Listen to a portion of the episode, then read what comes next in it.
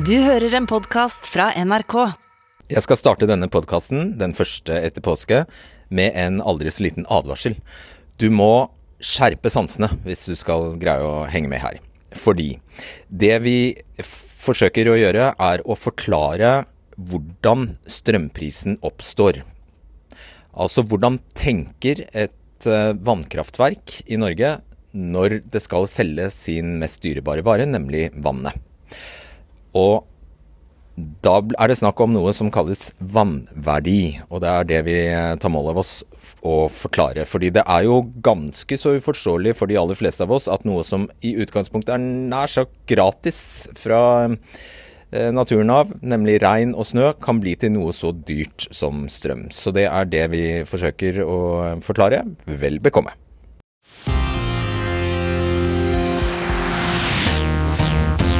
Tre dager i påsken hadde Norge Europas dyreste strøm.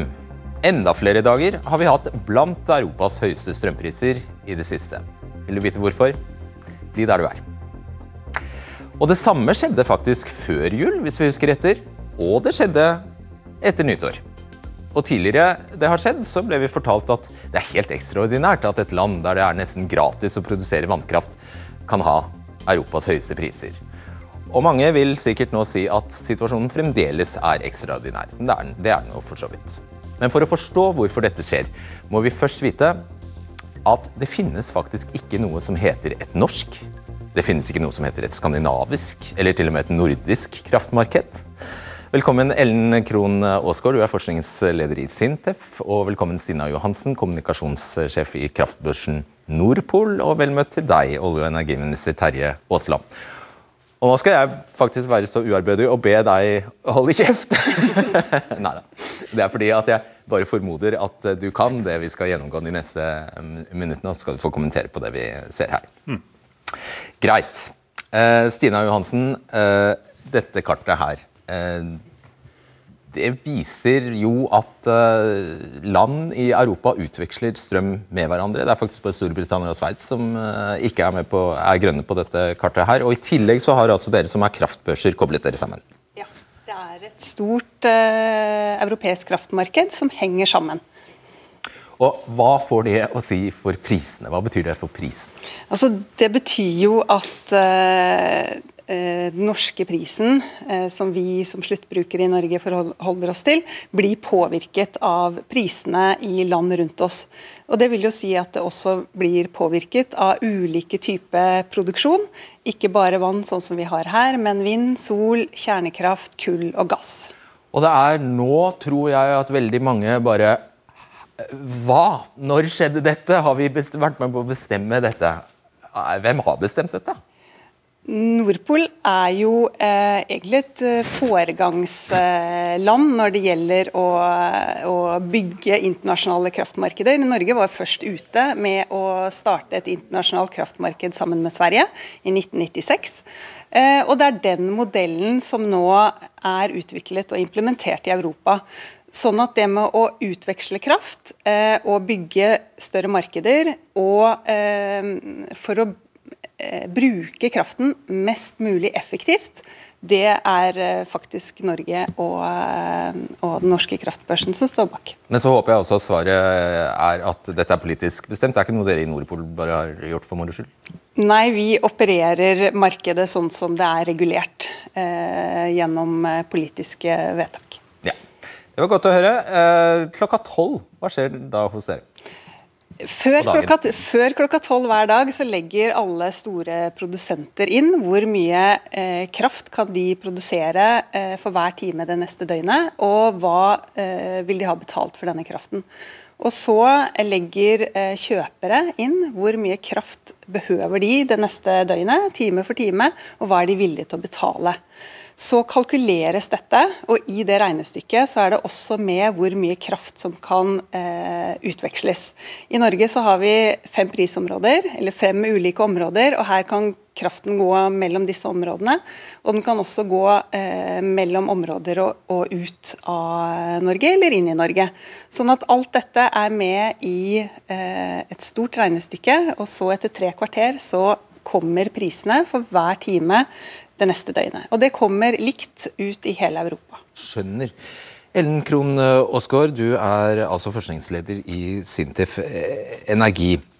Denne prisen som Johansen snakker om, som da oppstår i, disse tre kvarter, i løpet av disse tre kvarterene på kraftbørsen, hva forteller den prisen oss?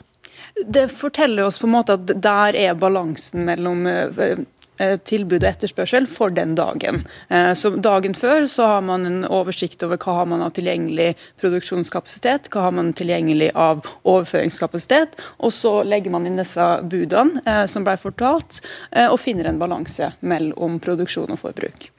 Og den, altså Vi skal ikke gå veldig dypt inn på marginalkostnad, og sånn, men den aller siste som da får tilslag, det er den høyeste prisen som, ja. som gjelder. Hvis du har lagt inn et lavere bud, så får du den aller høyeste og siste prisen som blir eh, lagt inn. Ja. Men den siste som legger inn, vil jo ikke tjene penger. Den vil ikke tjene penger på den siste enheten, men man tjener jo penger på det, den produksjonen som er tidligere eh, lenger ned på tilbudskurven. Ja. Det som er lagt inn til en billigere pris. Som er lagt inn til, det, eh, og det var nettopp derfor jeg sa ja. la oss ikke gå dypere inn i ja, akkurat den. Men nå, for nå er dere som er eh, levende opptatt av eh, vannkraftverk, må, må dere følge med. Et norsk vannkraftverk har følgende hovedutfordring. Vi ser, altså Helt til venstre her, det er starten av året. Da er det jo ja, Magasinene er ikke så fulle, men været er kaldt, og vi trenger strøm i Norge. Og så kommer tilsiget. Da ser vi kurven går oppover. Tilsiget fra ja, elver og isen smelter, magasinene fylles. Men da er det jo mye mindre etterspørsel etter strøm. Eh, så hele hovedutfordringen til en vannkraftprodusent er å fordele dette vannet. og Det er derfor denne pilen eh, er her. De, de, deres hovedoppgave er å fordele vannet så godt som mulig utover året. Når vannkraftverket som nå står her i april, da, som er helt eh, bortest der, og vurderer hm, er det lurest å selge nå eller senere, da bruker kraftverket en analysemodell som gjetter på hvordan fremtiden blir. Ingen kan vite, den gjetter. Modellen kan f.eks. For fortelle at det er mest penger å tjene på å selge vannet i september og oktober i stedet for nå.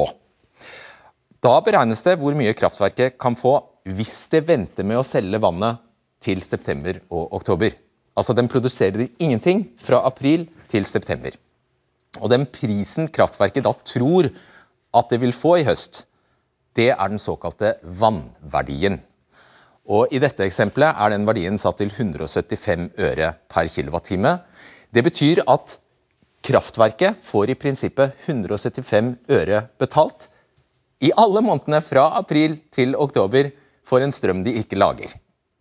Vannverdien her prøver de, og denne, denne verdien den består av alt det dere to snakket om så godt det lar seg gjøre egentlig når man ser inn i fremtiden. Nemlig den består av høye gasspriser, krig og, og energimangel.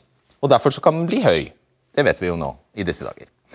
Og eh, merk, Her kan kraftverket lett få kjeft for at de ikke gjør noe som helst. De setter ikke i gang produksjonen før langt ute i september, og at de bare gjør det for å holde prisene oppe. Men så la oss si at verden endrer seg, at det plutselig regner mer enn enn de trodde, enn maskinen trodde i april. Da kan det være mer hensiktsmessig for kraftverket å selge noe strøm i, uh, i april for la oss si 100 øre kilowattimen. Uh, og det, er, det, gjør kraftverket for at det ikke skal flomme over. og De må da selge, de får mer vann i magasinet, så de må selge mer vann over flere dager. I sted var det jo 50 dager, nå er det blitt 75 dager her. Uh, og Hvis kraftverket gjør det, ja, da kan de risikere å få kjeft for at de bare selger billig strøm på våren her for å kunne tjene mer til høsten. Stakkars kraftverk.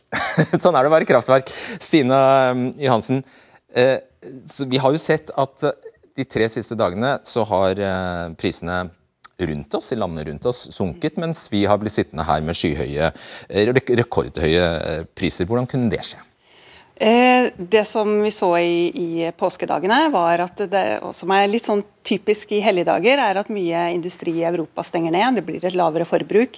Samtidig så har det vært fint vær, sol- og vindproduksjon som må brukes i det det er der. Eh, som gjør at prisene i eh, landene rundt oss har sunket kraftig. Da importerer Norge kraft for fullt gjennom overføringskablene våre. Um, og Det er jo da den ulike produksjonsmiksen som gjør at prisene er ulike i ulike områder til ulik tid. Ja, og da uh, ja, for da, da, i prinsippet så importerer vi da den billigere strømmen fra utlandet. Men hva er det som gjør at vi likevel blir sittende igjen med en dyrere strøm? Da er det jo kanskje vannverdier. Ja. ja. Vi må tilbake ja. litt med det eksempelet på vannverdier. Først så vil jeg bare si at den modellen den gjetter ikke prisen. Man modellerer markedet alle produksjonsteknologiene for å beregne så godt som mulig hva man tror prisen kommer til å bli. Hva er forskjellen på det og gjette? Eh, det, er et mer kvalifisert gjetting, da. Ja, okay. ja, og tunge beregningsmodeller som ligger bak. Prøve å ta inn all den informasjonen som, som påvirker prisen.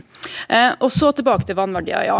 Eh, nå er det lite um, volum i magasinene eh, i Sør-Norge, og det betyr at man blir ganske sparsom med det vannet man har. Så man prøver å fordele vannet, som du sa, til at man skal bruke det der kraftmarkedet og energisystemet trenger det mest. Om det er nå i vår eller om det er i høsten, så må man tenke på det allerede nå.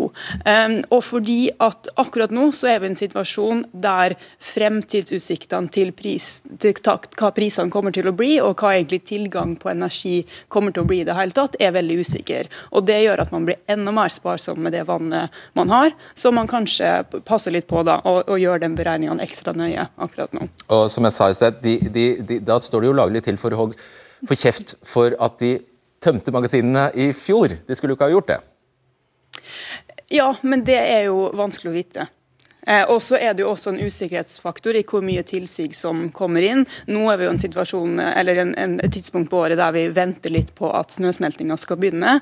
Og et hvordan og når det skjer fra år til år, det er et usikkerhetsmoment rundt det. Mm. Så vil jeg bare tilbake til, fordi eh?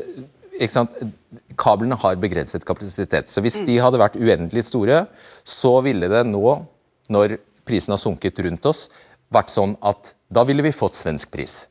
Altså, Hvis det er uh, eh, ubegrensa overføringskapasitet på, på, linjer og kabler, så vil jo prisen jevnes. Da vil det være en lik pris. Ja, så, så, er det ikke, så, er, så er det ikke ubegrenset, og Nei. da betyr det at da får vi ikke all den Det er ikke plass til all den billige, billige strømmen, Nei. så derfor så får vi en Det bidrar til at vi får den høye prisen. Det stemmer. Vi sitter her med den. Mm. Ja. Uh, vi skal se på et annet uh, kart her. Uh, og det, vise, det, viser hvordan strømnettet ser ut i Skandinavia, Baltikum og Finland. Uh, og jeg, Det blir jo litt smått, dette her, men det jeg tror vi egentlig bare skal legge merke til, er hvor det ikke går linjer hen. Og hva forteller det oss? Ja, Fra det bildet her så ser vi at det er litt forskjell på overføringsnettet i Norge og i Sverige. I Sverige ser vi at det går mange linjer eh, nord-sør, mens i Norge er det litt uh, tynnere enn vi har tynnere land nå, da, men på en måte relativt sett så er det nok bedre overføringskapasitet nord-sør i Sverige. Ja, for her går det masse røde streker eh, på langs.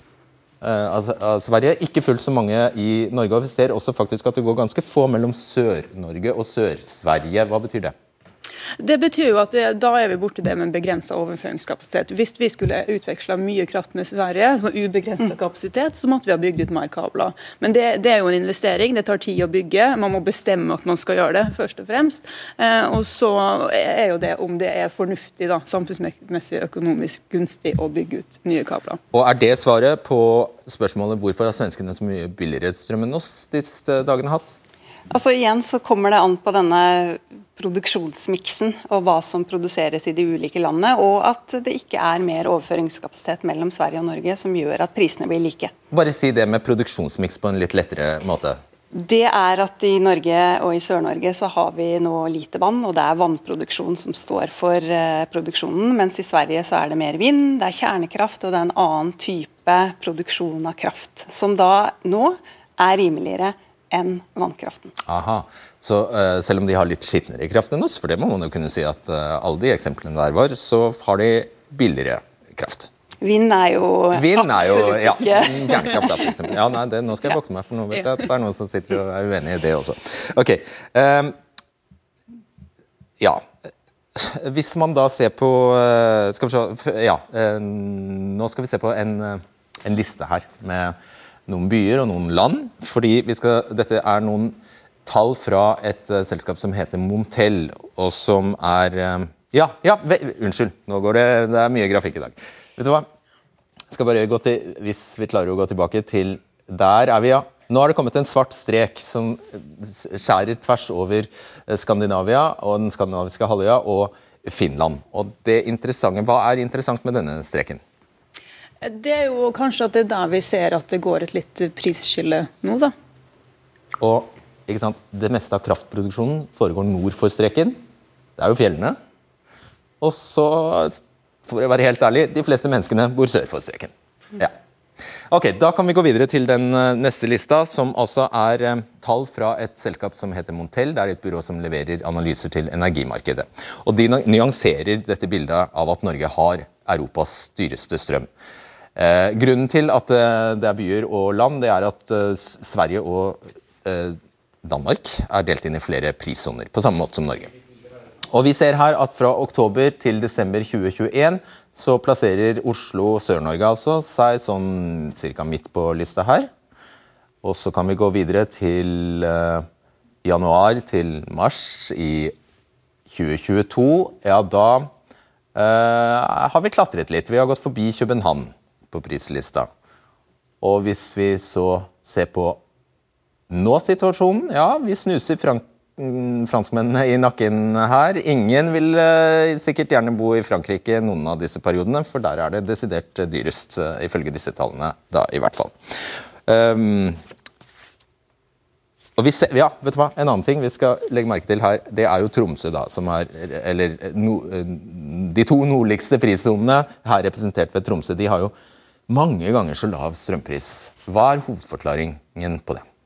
Altså, Prisene her som er tatt for hver sone, er jo basert på det samme regnestykket som du eh, forklarte tidligere. Altså produksjon, forbruk og overføring inn og ut av alle de områdene. Så på en måte avhengig av balansen på det der, så vil man få en høy pris, man får lavere pris. Og så er det jo litt sånn at som du viste på kartet i stad, så er det kanskje nå eh, mer produksjon i Nord-Norge enn det er forbruk der. Eh, det kan jo endre seg over tid eh, hvis man etablerer ny industri, alle sånne ting. Så på en måte det å, å bygge ut produksjon produksjon og forbruk i balanse, eller i takt med hverandre. Eh, det er kanskje noe man må tenke på, og det har man også gjort eh, tidligere. Det skal vi vie resten av sendingen ja. til aldeles eh, straks. Sina Johansen, hvordan foregår det på børsen? Er det sånn at kraftprodusenter i nord, kan, by, kan, de by på strøm i sør, og omvendt? Hvordan foregår det? Nei, det er, det er, ganske viktig å forklare at en produsent som holder til i, uh, utenfor Tromsø, kan kun selge kraften sin i det området hvor, uh, hvor, han ligger, og får den prisen for kraften. Og Det er det samme i Sør-Norge, at de som produserer kraft i, i Sør-Norge i et område, f.eks. NO2, som er et navn på ett område, de får den prisen og må levere kraften sin i det området. Så de, er, altså de sørnorske kraftprodusentene kan bare ha med de, eh, egentlig de som er sør for seg å gjøre, og de nordlige de er litt låst der de er. Mm, mm. Ok. Så Terje Aasland, syns du at kraftprodusentene oppfører seg sånn som de skal, når vi ser hvordan dette foregår? Nå har vi en situasjon som eh, ikke er akseptabel. Det å ha så ekstremt store variasjoner som vi har sett i løpet av dette året, og så høye priser, er ikke tilfredsstillende på noen som helst måte. Norge har eh, fram til 2020 hatt de billigste strømprisene i Europa. Det ønsker vi at vi skal fortsette med. Og Det vi holder på med nå, det er å snu hver eneste stein ut ifra det som er eh, den situasjonen som vi har vært igjennom, og som vi er i nå. Nettopp for å finne avbøtende tiltak, sånn at vi skal unngå det for ettertida. Men uh, du fulgte jo med her. altså Dette med vann, uh, vannprisen er, jo, er, er jo Eh, det er jo ikke noe forandring der. Den settes som den settes. Det er en beregning som eh, kraftprodusentene gjør, og som de vurderer verdien av vannet sitt i. Men det er heller ikke naturlig for å få kraftflyt i kraftsystemet vårt at det skal være utslag på f.eks. E krone i forskjell mellom eh, Stockholm og, og, Oslo.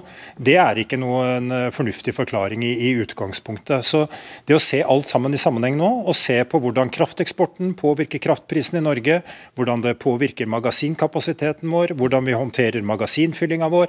Alt det skal regjeringen nå gå gjennom. Vi får de svarene forhåpentligvis i løpet av dette året.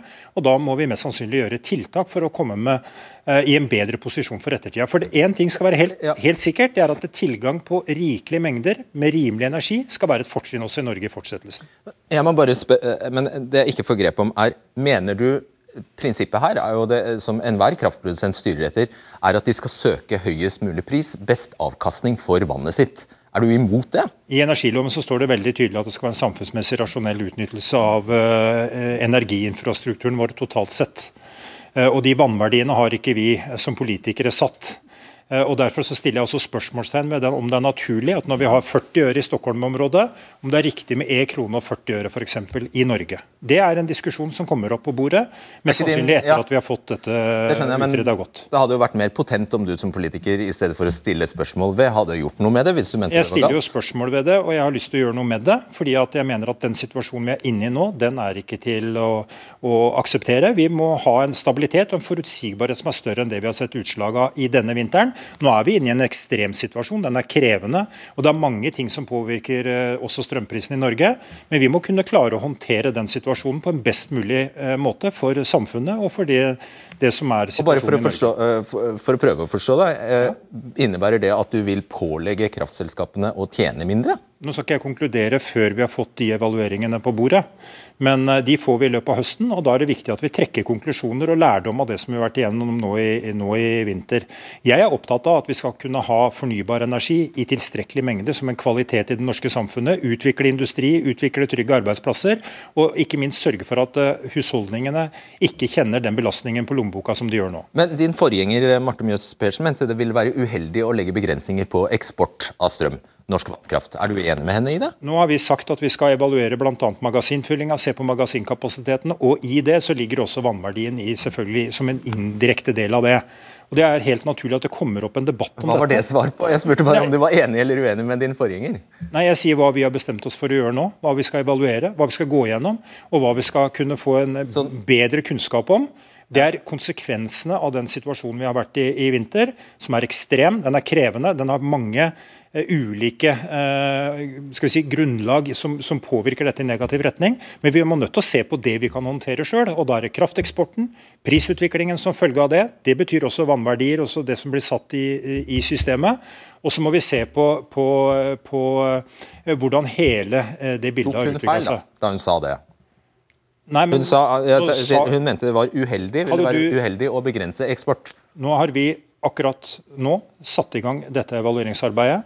Uh, og Hadde Marte Mjøs Persen stått her nå og sagt det, så hadde hun sikkert sagt det samme som meg. At vi vil ha en ordentlig gjennomgang, snu hver eneste sten. Uh, nettopp for å se på kan vi gjennomføre avbøtende tiltak på det som de fleste nå uh, opplever som urimelig. Ja, men Strømprisen var jo her da hun svarte dette. Den har ikke oppstått med deg. Jeg kan ikke svare på hva Marte Mjøs Persen sa uh, for flere måneder tilbake i tid. Nå har, oss, nå har, vi bestemt oss, for hvordan vi skal gå gjennom den situasjonen som har vært i vinter. Vi har bestemt oss for å gå gjennom dette med krafteksporten, med prisutvikling og ikke minst med magasinkapasitet og magasinfylling. Og når vi får den gjennomgangen, så er jeg helt overbevist om at vi kommer til å få svar som vi må følge opp uh, politisk. Jeg merker at jeg tror det er så langt jeg kommer på akkurat det. Tusen takk for at at eh, dere kom. Du blir eh, stående litt til. På nrk.no kan du eh, delta i debatten om strømprisene, om du ønsker det. Norge er altså delt inn i fem prissoner, som det ble sagt her. De to nordligste prissonene, som strekker seg fra nord for Sognefjorden til Finnmark, har hatt mange ganger så billig strøm som resten av landet lenge nå. Men nå kan moroa være over for de som i dag bor i prisområdet kalt NO3 og NO4. For eh, Statnett vil bygge mer nett mellom nord og sør. Vel overstått eh, påske til kommentator i avisa Nordland Stein Sneve, Knut eh, Lockert, som representerer mange av de ja, er det riktig å si de små, og, de små kraftselskapene som ligger i distriktene? Det kan du si om du kan legge til det mellomstore også. Små og mellomstore, det er greit. Og velkommen Morten Andreas Meyer i Huseierne. Start med deg, Stein Sneve. Du er også kommentator i avisa Nordland. På vei mot et nordnorsk kraftran, skrev du i avisen din og siktet til Statnetts eh, planer om utbygging, eh, mer utbygging mellom nord og sør. Eh, men dere bruker, det er jo, jeg har forstått sånn, dere bruker jo ikke alt dere produserer selv? Det er korrekt. og Jeg skrev den kommentaren i begynnelsen av februar, da Statnett sa at de kom til å forsere sin utbygging av disse nye overføringslinjene og forsterke mellom nord og sør. Og det, eh, fordi, som det ble sagt, eh, det er et overskudd av kraft i nord, og da bør krafta gå der den trengs, altså underforstått til Sør-Norge. Eh, dette utspillet kom fire dager etter at Jonas Gahr Støre, vår statsminister, var i Tromsø og snakka om satsinga på nordområdene som denne regjeringa skal ha, der han eksplisitt fremheva den dårlige overføringskapasiteten sørover som en strategisk kjempefordel for Nord-Norge, for da må krafta brukes i nord. Eh, det gir grunnlag for eh, satsing på eh, ny, kraftkrevende grønn industri. Det er en nøkkel for å utvikle bosetninga i Nord-Norge. Det finnes en masse planer, bl.a. så har Aker lansert 50 milliardssatsing i Narvik alene. Det vil spise opp disse 8 TWh-ene på dagen omtrent. Så hvis da disse 8, disse 8 TWh-ene isteden skal sendes sørover, istedenfor å brukes til å bygge opp industri i Nord-Norge og sikre bosetning. Det er i nord Norge møter Russland, sa Støre. Så dette er også en strategisk satsing for Norge, og det var før invasjonen i Ukraina. Så mener jeg at det vil være et kraftran. Og jeg håper jo at statsråden, hvis han er her fremdeles, kan bekrefte at Jonas Gahr Støre ikke kom med tomme løfter da han sa at denne krafta skal brukes til å bygge grønn industri i Nord-Norge, og ikke til å jevne ut prisene sørpå. Lenka han fast ved statsråden, du kan svare på det? Ja, altså Det å ha god krafttilgang og rimelige priser i nord skal være et fordel for nord. De skal utvikle industri, de skal kunne utvikle trygge framtidsrettede arbeidsplasser. og Det skal være en fordel i nord, og det skal være en fordel i hele landet. Men det å bygge nytt nett er jo ikke noen løsning på den krisa vi står oppe i nå. Det tar 10-15 år å bygge et nytt nett i Norge. Så det er ingen løsning. Men så peker han eh, på ja, men, en viktig, men, men, bare for å ta det, han peker på en viktig ting. Og det er at De har 8 TWh som, som kraftoverskudd i Nord-Norge nå. Jeg hadde møte med Troms Kraft for eh, noen uker siden. og De sier at eh, de tror allerede i, om ti år så vil det være kraftunderskudd i Nord-Norge. Vi må ta ansvar for å bygge ut eh, kraftsystemet vårt langsiktig, robust, sånn at den kvaliteten som nå er i nord, at den fortsetter fortsetter å være en kvalitet i nord. Fordi Hvis de går mot et kraftunderskudd, ja, så vil industrien slite, prisene vil stige og husholdningen vil kjenne det på lommeboka. Sånn skal det ikke bli. Vi skal sørge for at uh, billig strøm i nord fortsatt er en kvalitet. Det er ikke sikkert, ja, nettopp. Uh, uh, Henrik Lette, velkommen, kommunikasjonsdirektør i Statnett. Hensikten med kraftnettet er å flytte kraft fra der det er mye produksjon, til der det er mye forbruk. Når det er kraft i den nordlige delen, eh, overskudd av kraft i den nordlige delen, er det rasjonelt å legge til rette for å flytte overskuddskraften dit det trengs, har det en stats, altså Statnett-direktør Gunnar Løvaas sagt. Så hva nøyaktig betyr det? Hva er planene til Statnett? Jeg tror, for det første så kan jeg jo bare bekrefte inntrykket som statsråden også formidler nå, om at eh, den ambisjonen på 8 TWh industri i nord Vi møter en industri som har mye større ambisjoner enn det.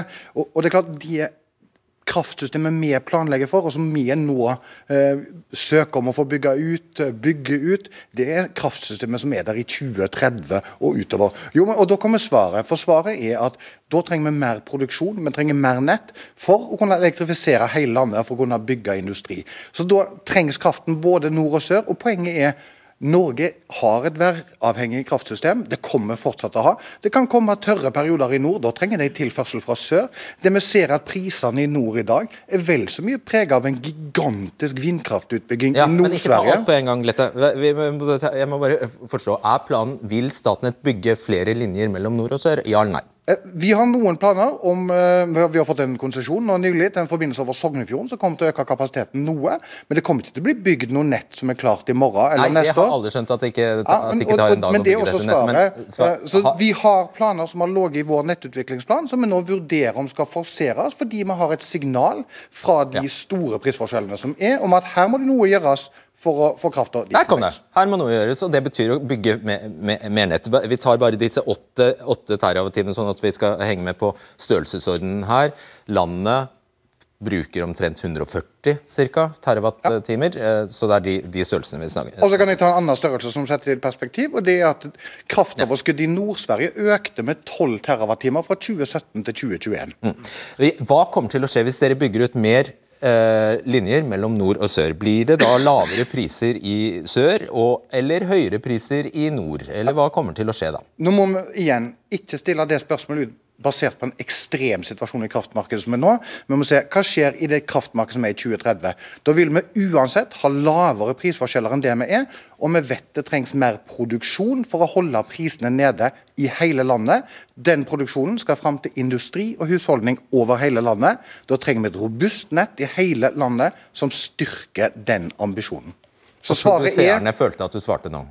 De svar, følte nok at jeg svarte på det som burde være spørsmålet. Men, ja, nei, jeg bestemmer jo nettopp hva som, burde, hva som er spørsmålet. Så og, men så er poenget her at det prisbildet vi ser i våre analyser i 2030, ja. er vesentlig lavere, og det er vesentlig lavere prisforskjell. Ja, men Det jeg er opptatt av, og som du ikke svarer på, er tror du med dagens situasjon Med dagens situasjon med, med, med så ville vi fått Nei, ja, vent, hold an, jeg er ikke ferdig med spørsmålet. nemlig. Nei, men kom med den store forskjellen det er, og uansett altså, tatt i betraktning Jeg er selvfølgelig med på det, at det er eh, en ekstremsituasjon i sør, men den forskjellen som har etablert seg, der med billig, billig kraft i, i nord og, og, dyr i sør tror du, er det så, Hva tror dere vil komme til å skje hvis det blir mer nett? Hadde vi hatt mer nett i den situasjonen i dag, så hadde prisen i sør vært noe lavere, og prisen i nord vært en del høyere. Ja. Det er svaret. Og Hvorfor skulle nordlendingene ville det? Eh, men dette handler om å planlegge et nasjonalt kraftsystem. Og som du sier, Prisforskjellen er også en konsekvens av ekstremsituasjonen. For ting får større utslag nå pga. en ekstremsituasjon i kraftsystemet i Europa. Ok, Jeg tror vi skjønte det. Bra. Takk skal du ha, Henrik Glette. Da, Knut Lockert, du er altså leder i Distriktsenergi, som er en landsdekkende interesseorganisasjon for du korrigerte meg et sted, for ikke bare de små, men de mellomstore kraftselskapene. De ligger jo, som navnet tilsier, ofte i distriktene. Du mener uh, disse prisforskjellene, i motsetning til uh, Stein Sneve, bør utjevnes. Hvorfor det?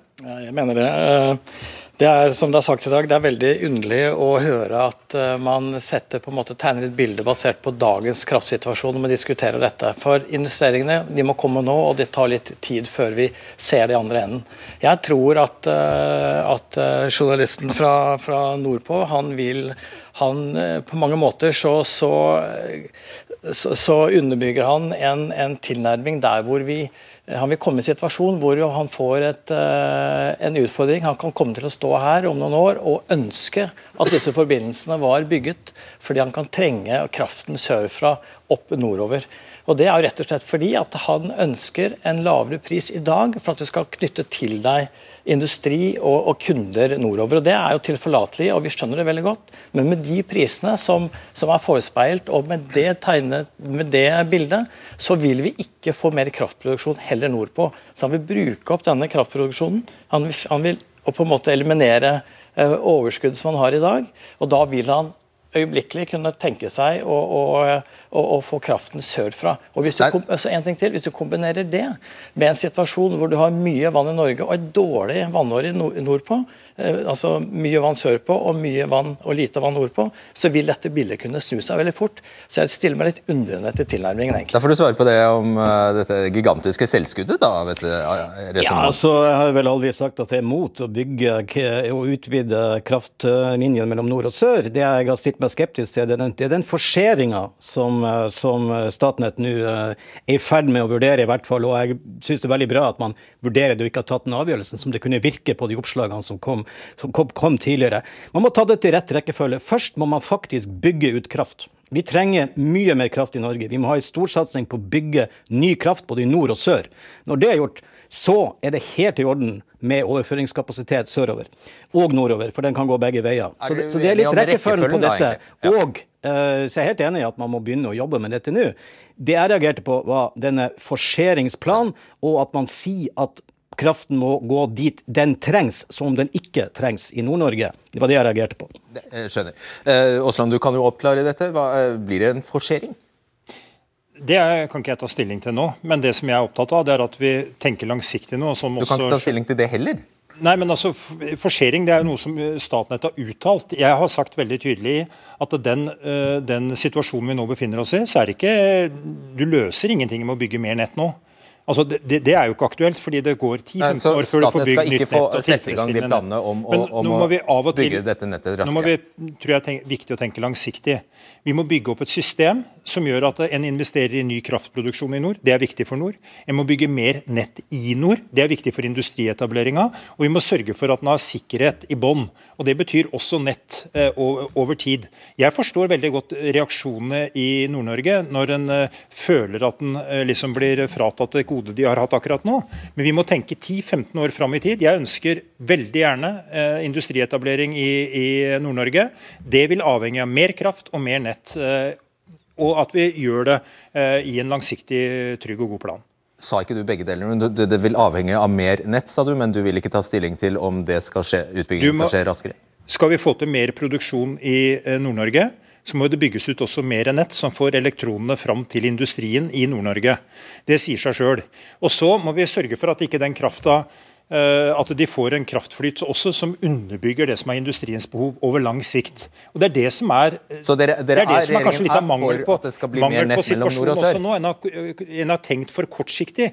Når vi fikk, fikk energimeldinga i fjor høst, nei, fjor, eh, fjor sommer, så var det én problemstilling der. Det var at vi hadde mer enn nok rimelig kraft.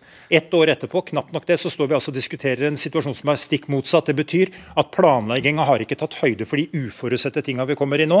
og er det noe vi må ta ansvar for, så er det at vi planlegger også for den situasjonen vi nå befinner oss i. Og Da er det mer kraft som er grunnlaget for å løse den utfordringen på sikt. Ok. Skal jeg bare, uh, skal bare gjøre en presisering her? Eh, nei, det skal jeg ikke. Jeg skal vente litt. fordi Der er den! Der er den. Um, det, I sted sto det 'så langt eh, i 2022'. Det var feil. Dette gjelder bare april. Så har vi oppklart det. Dette er bare april. Ok. Da, Morten Andreas Meyer, du er generalsekretær i Huseierne. Vet dere får veldig mange reaksjoner uh, om dagen fra frustrerte uh, strømkunder. Hva sier de? Jeg tror etter kveldens sending så kommer de til å gjenta budskapet om at det er veldig mye ord. Og det er løfter, men de løftene ligger veldig langt fram. Uh, og det er nå de høye strømregningene virkelig slår inn i husholdningsbudsjettet til veldig mange familier. Og så opplever, tror jeg, både våre medlemmer, landets eh, boligeiere og forbrukere, at dette gjøres unødvendig komplisert. Siden 1992 så har vi hatt et liberalisert kraftmarked som gjør at norske vannkraftprodusenter har hatt som mandat å tjene mest mulig penger på vannet. Det har tjent Norge godt. Og det har stort sett vært en bra balanse mellom vannkraftprodusenter, staten og forbrukerne. Så har vi parallelt bygget en overføringskapasitet som gjør det mulig for vannkraftprodusentene i mye større grad å sette prisen på norsk vann ut ifra hva prisen i Europa er. Og så har vi fått denne eksplosjonen i priser i Norge som gjør at vi har fått en uforståelig fordeling av de store verdiene fellesskapet skaper i, gjennom vannkraften. Og Der tror jeg du egentlig ikke trenger veldig mange utredninger eller eller forskningsmateriale for å forstå sammenhengene. Når vannkraften Skal han skrote kommisjonen sin før den er ferdig, ja, sier du? Men, men Fredrik Solvang, når vannkraft, produksjon av vannkraft koster mellom 5 og 10 øre, og prisen er nå 1,50, 2,250, så tjener altså norske offentlig eide vannkraftprodusenter bøttevis med penger. Det er bra. Staten henter inn masse ekstra avgiftsinntekter. Det er bra. Men fordelingen av de store verdiene som skapes av fellesskapet, de må gjøres annerledes. Som innebærer at vanlige husholdninger ikke opplever å betale den kall det utbyttebonanzaen og den store merinntekten som disse selskapene og som statskassa får. Og Hva forventer du da, helt konkret? Jeg forventer at uh, du finner en løsning som gjør at uh, de verdiene som kommer inn helt ekstraordinært, fordeles bedre mellom de ulike aktørene. Det kan du gjøre uten at vi mister incitamentene til å drive energieffektivisering. Du kan gjøre det uten at norske vannkraftprodusenter eh, taper penger, eller at statskassa får inn mindre enn i et normalår. Men du kan skape en helt annen og rettferdig byrdefordeling enn det folk flest opplever. Jeg tror ikke jeg skjønte den modellen. Jeg vil si det enklere. Jo, Du kan f.eks. si til norske vannkraftprodusenter, sånn som norske vannkraftprodusenter gjør med den, eh, med den uh, kraftkrevende industrien, at deler av forbruket ditt leveres til en fast og lavere pris. Okay. Det er nettopp det vi nå kommer til å gjøre. Altså, Vi har jo allerede lansert at vi kommer med fastprisavtaler. Endra for husholdningene og for næringslivet. Det sender vi ut på høring nå. Det betyr at en får egentlig et identisk system for husholdningene og ordinært næringsliv som for kraftforedlende industri. En kan binde seg og inngå en langsiktig avtale på tre, fem eller sju år. og Jeg er helt overbevist om norske husholdninger kommer til å tjene stort på det. Da får du mer forutsigbarhet og i utgangspunktet en større økonomisk trygghet ved å inngå sånne type avtaler. Og Det bør også dere motivere til at folk faktisk gjør. Vi venter spent På det konkrete forslaget. Ja, det håper jeg du er eh, spent på. Og det, når det kommer, så, så er det helt opplagt at det kommer til å bringe prisene ned. og kommer til å skape større forutsigbarhet for, for kundene. Vi sender ut på høring nå før sommeren. Vi kan nok mest Dere har god tid, altså. Før sommeren. Hvorfor Nei, ikke bare nå? God tid. Altså Skatteendringene gjør vi i normalt per 1.1. Eh, hvert enkelt år. Men eh, kraftprodusentene har sagt at de kan begynne å forberede denne type fastprisavtaler allerede fra høsten av. Og jeg har stor tro på at det kan være en veldig god ordning for å skape mer forutsigbarhet og større økonomisk trygghet, både for husholdningene og for næringslivet. næringslivet. Skal kjøpe, staten skal begynne å kjøpe store mengder kraft av dere? Ja, de, de, skal det, og det er en, en god tilnærming. Mm. Men jeg tror det er eh, viktig å presisere at, eh, kan, eh, at det å bygge ny kraftproduksjon, da snakker vi ikke om 5-10 øre, da må du i hvert fall ha 30 øre per kWt hvis ETA skal, skal få bygget noe ny kraft. Og jeg tror det er utrolig viktig å ikke glemme de aller Det er to helt vesentlig spørsmål som norske politikere og vi må løse de, to kommende, de kommende årene. og Det er at vi må tilgang på mer kraft. altså eh, NVE forteller oss at vi må opp med 25% innen 2040. Det er dramatisk. Mm. Det må legges til rette for det, og det må være priser som gjør det mulig. Det andre er at for, for å få det gjort, så må vi ha en overføringskapasitet som gjør at det faktisk er mulig. Og da operere med et prisskille mellom nord og sør, overføringsforbindelser som ikke på en måte kan frakte den krafta, det holder ikke. Ja, og da vil jeg til deg, eh, nettopp, eh, nettopp eh, Sneve. Tror du at det er en farbar vei å bare fortsette dette utrolig kraftige og helt iøynefallende skillet mellom nord og sør når det gjelder strømpriser i Norge? Nei, som jeg uh, sa i sted, så, uh, så, tror jeg jo at uh, vi på sikt vil måtte få en lettere flyt av, av kraft mellom, mellom Sør- og Nord-Norge, som for så vidt har ligget i Statnetts planer veldig veldig lenge. Men jeg ser ikke behovet for å forsere det. Jeg ser behovet for at man nå bygger ut så mye kraft som mulig, så fort som mulig, både i nord og sør. Når det er gjort, og for så vidt relativt parallelt, så kan man begynne å utveksle dette. Og det kan gå veldig bra begge veier. Men nøkkelen til å løse denne krisa de er ikke ny overføringslinjer mellom nord og sør. Det er å bygge ut mer kraft og gjøre det fort. Ok, tror Altså, bare Forbrukere i Sør-Norge har ingen interesse av at forbrukere i Nord-Norge får importert de europeiske kraftprisene. Eh, de familiene som sliter med strømregningen i Sør-Norge nå, blir ikke noe lykkeligere for at nordlendingene får dyre strømregning, og at Knut Lockert på vegne av sine medlemsbedrifter gjerne vil øke den overføringskapasiteten, er jo bare en bekreftelse på at hans medlemmer i de nordre prisområdene vil få bedre betalt. For, for, hans medlemmer nord i landet vil også bli en del av det europeiske prisbildet med de overføringskablene som, som, som Statnett og, og Distriktsenergi gjerne vil bygge. Jeg tror vi kan være veldig enige om alle sammen her, at det som er kraftpriskrisa i Sør-Norge nå, det må løses i Sør-Norge. Det handler om mer produksjon. Gå gjennom systemet sånn som vi nå har starta med, og sørge for at vi klarer å ta de riktige beslutningene som er gjennomtenkte på det. Og så må vi bygge et robust trygt og sikkert kraftsystem over tid, som både inkluderer Nord-Norge og som inkluderer Sør-Norge. Er du sikker på at det ikke også betyr at uh, du bør være mer rundhåndet med tilbakebetalingen til de som, oss som må betale disse prisene? Ja, Nå har vi en ordning eh, som reduserer strømkostnadene for husholdningene med, med, med 80% av det som er over 70 øre. 90 fra ja, ja, men oktober. Men det spurte mer rundhåndet enn det, da? Nei, men Det er det vi, Stortinget nå har bestemt. Uh, og Jeg mener at det er en ordning som er enkel å administrere. Den går direkte til fratrekk på strømregninga di. Det tror jeg er en fordel. Uh, den er rettferdig. Én husholdning, én støtte. Så jeg tror det er en god ordning. Men så håper jeg virkelig at det med fastprisavtaler faktisk uh, slår an, og at den kan komme ned på et prisnivå som gjør det trygt og forutsigbart for vanlige folk. Vet du hva, Da teller vi ned til sommeren til du legger fram ditt forslag om det. Takk for at dere kom i kveld. Debatten er tilbake på torsdag. Husk at imperiet vårt omfatter både en podkast du kan gjøre husarbeid til, og at alle sendingene ligger i NRK TV. Alltid.